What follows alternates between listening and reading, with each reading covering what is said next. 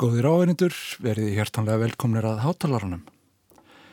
Hann hófst að þessu sinni á stuttum kabla úr tónlist fyrir harmoniku, fiðlu og cello sem rúsneska tónskálkonan Sofia Gubaidúlina setti saman 1991. Þeir sem fluttu voru norski listamenn, fiðlu og celloleikararnir Henrik Brendstrup og Arne Balk Möller en harmonikuleikarin var Geir Draugsvold einn fremstri flytjandi samtíma tónlistar fyrir þetta stórkurslega hljóðfæri. Hann hefur leikið fleiri verka eftir Gúbætulínu en hún samti fyrir hann konsertin Fagverk 2009. Það er að gefinni ástæðu að við komum aðeins nánar inn á list Gúbætulínu síðar í þessum þætti en síðastleginn fastudag hófst hjá Sinfoni hljómsveit Íslands sirpa tónleika þar sem tónlist hennar og landa hennar Sergejs Rachmaninovs er telt saman. Skemtilegt askrágerði hjá symfóníunni hérna á ferðinu og ástæði til að mæla með þessum tónleikum með hlustendur og minna á príðilega heimasýður hljómsveitarinnar til nánari upplýsinga sinfonia.is. En í hátalara nýsa árs er verið að núlstilda starfsfólk og búnað og ekkert er betur til þess fallið en að huga að þögninni Það er kunnara en fráþurfi að segja að tónlistin væri nú lítilsvirði ef ekki væri þagnirnar þar sem samhengi tónana verður til. Það er ákallega mismunandi hvernig hugmyndin um þögnina byrtist í tónlist fyrir og nú. Stundum er þess freistað að fanga hana á einhvern hátt, nú eða þá að það er verið að kalla eftir henni með hljómsveit og kór.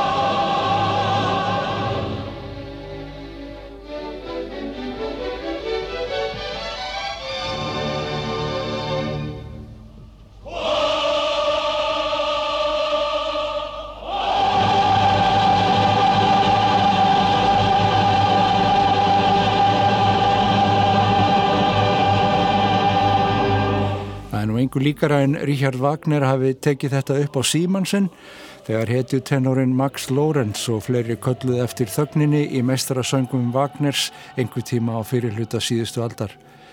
Vilhelm Furtvengler við stjórn þegar kallað var eftir þögninni í þessari óperu. En við skulum halla okkur að annari hljóðritun sem tengist þögninni og fáir eru betur til þess fallnir en meistara hljóðmenn hinnar hljómandi hljóðtækni Fabriku Són og Luminus að bregða réttaljósinu á dramatískar öfgarnar í tónlist sem teplir fram hljóði og óhljóði til að gera þögninni skil.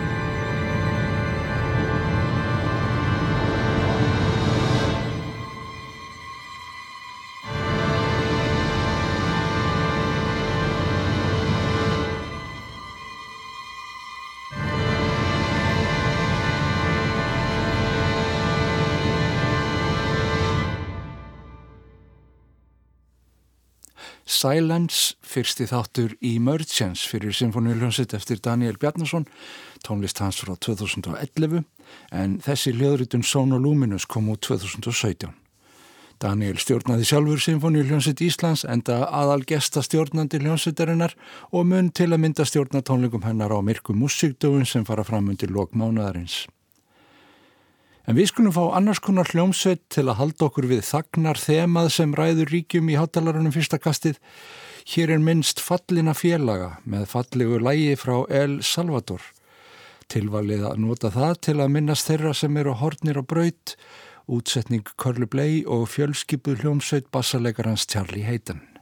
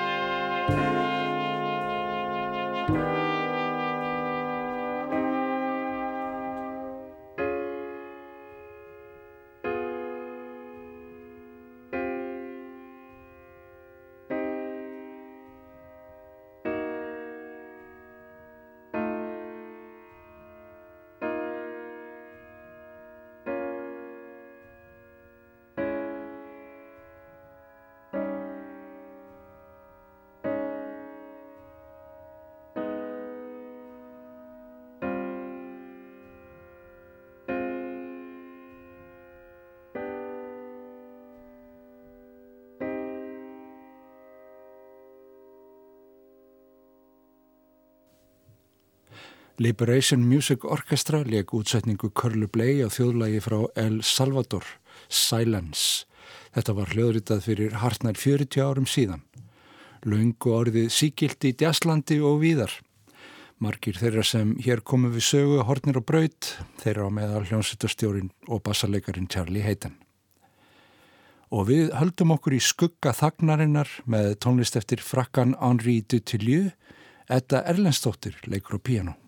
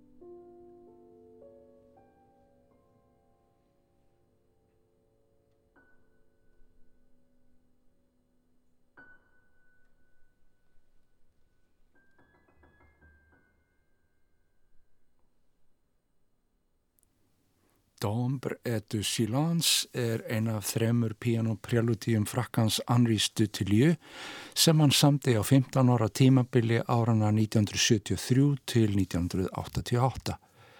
Þetta Erlendstóttir lekðar allar á 15 mínútna tímabili á tónleikum sínum á Myrkum Musikdöfum 2016.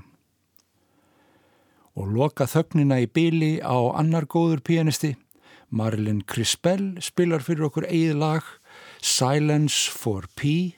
Það fylgir ekki sögunni hver þessi P er en plata Crispell kom út 2001 og heitir Amaryllis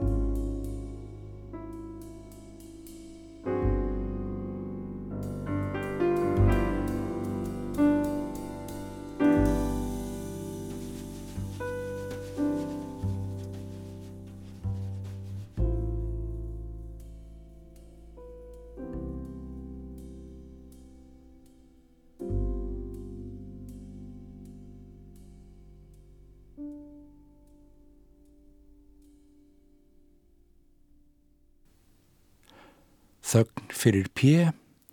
Þessi P geti verið samnefnari yfir meðspilara pianistans Marlinar Crispell, Paul og Peacock, Motion og Garry, hvað veit ég. Hvernig sem því nú varið er Marlin Crispell einn áhugaverðasti pianisti tilurinn að kendar drjast tónlistar síðustu áratvíi og vel þess virði að kynna sér framlag hennar. En ég vekað skemmtilegum tónleikum symfóníunir hér fyrir þættinum, kammertónleikum reyndar, tónleika sirpu eiginlega því hljómsveitin hóf síðastleginn förstu dag röð tónleika þar sem telt er saman tónlist rúsnesku tónskaldana Sergeis Rachmaninovs og Sofíu Gubætulínu. Það var líkil fólk hljómsveitarinnar sem reið á vaðið með æskuverkum þessara höfunda og hljóðrutun frá þessum tónleikum er væntanleg í dagskrá okkar hér á ráseitt. En við skulum rifja upp þegar Piano Trio Rachmaninovs Trio Elegiak var leikið af mikilli list á Reykjavík Midsummer Music hátíðinni 2013. Vikingur Heður Ólarsson við píanóið á samtægum Bryndísu Höllu Giládóttur, selvoleikara og Sigrúnu Edvarsdóttur, fyrirleikara.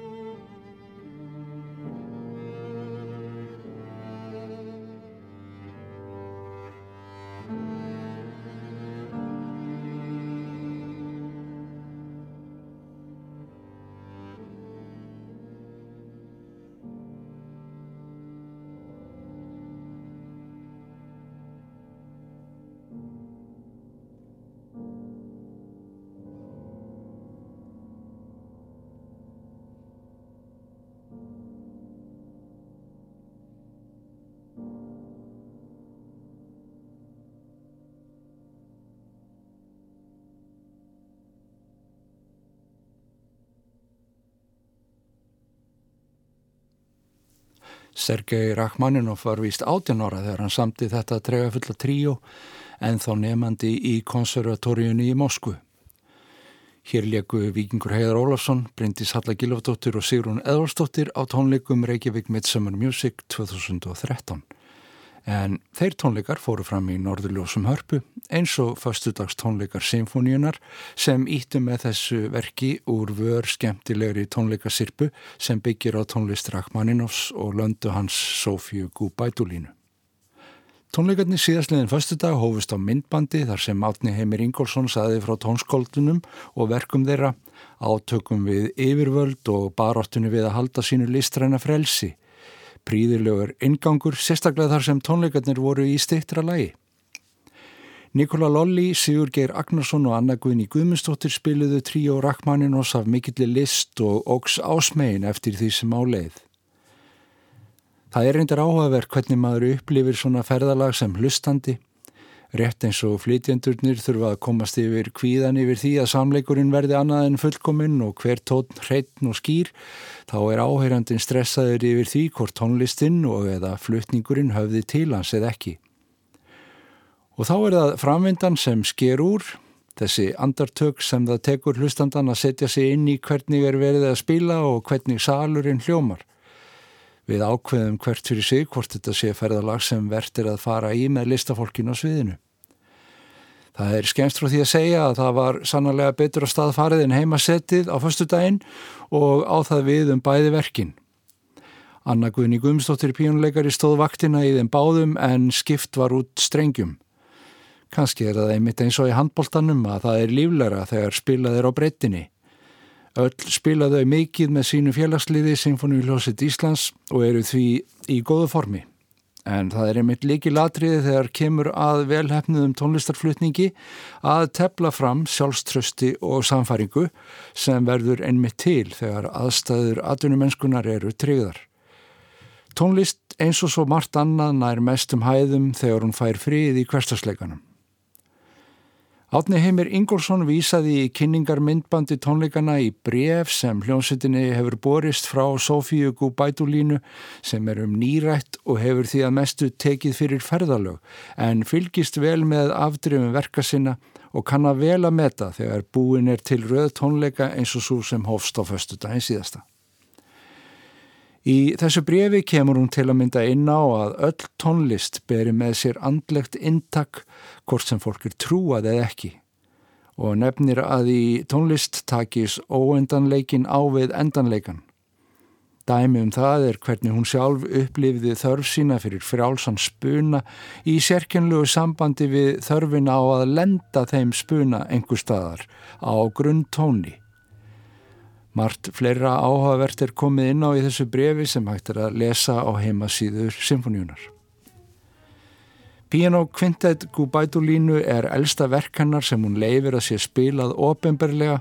Það er frá 1957 og hún var þá 26 ára gömul og enþá nefandi í konservatóriun í Mosku þar sem hún lendi upp á kant við profesoruna sína sem töldu hann að vera sveia um of frá flokkslínu Sovjetsins í tónlistarsköpun. Einn af kennurunum við skólan, Dimitri Sjostakovits, á að hafa laumað að henni á göngunum að hún skildi endilega halda áfram að búa til þessa óæskilugu tónlist.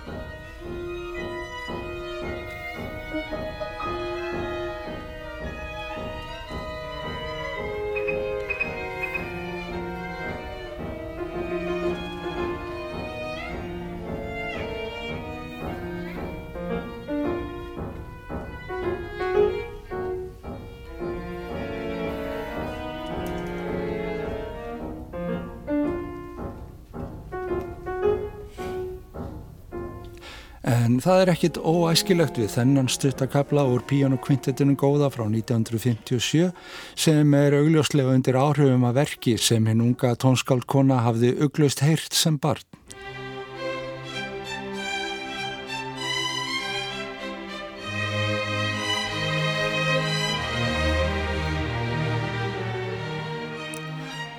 Uppaf stefið úr Fantasíu Prokofjevs en eins og sessunautur minn á tónleikunum sagði eftir Piano Quintet Gúbætulínu það var nú gaman að heyra Pétur Úlvin.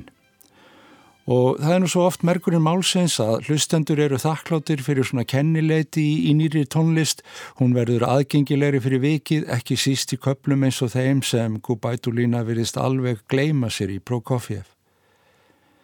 En þetta er nú einu sinni æsku verk og þau hafa vissulega tekið miklum stakkaskiptum verkinennar í gegnum áratugina. Orðin umstalsvert ágengari en búa yfir einhverjum kjarnar sem verið strata til hlustenda, jafnvel þó að hann sé dullbúnari en í kaplanum hér á undan. Það verður vissulega spennandi að heyra hinn stefnumótin tvö sem symfónían hefur skipulagt með tónlist Gubætulínu og Rachmaninovs. Við skynljum við hana að sinni með þessari serinuðu fyrir gítar sem er líka æskuverk frá 1960.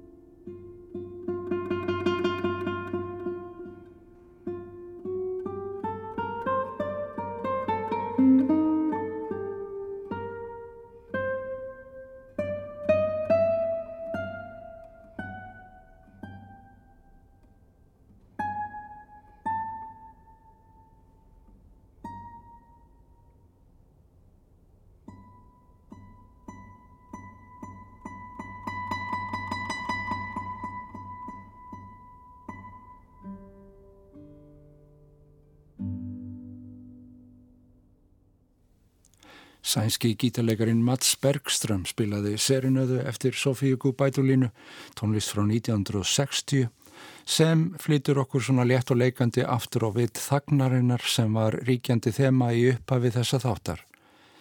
Og þá eru við búin að fleita okkur yfir þögnina og ekkert annað að gera en að fá hér í blá lokin hérna miklu þögn. Hún stein þeir þó ekki þessi frekar en aðrar þagnir dagsins. Píjónleikarinn Craig Taborn með tónlistarblötu sinni Daylight Ghosts frá 2017, The Great Silence. Takk fyrir að hlusta.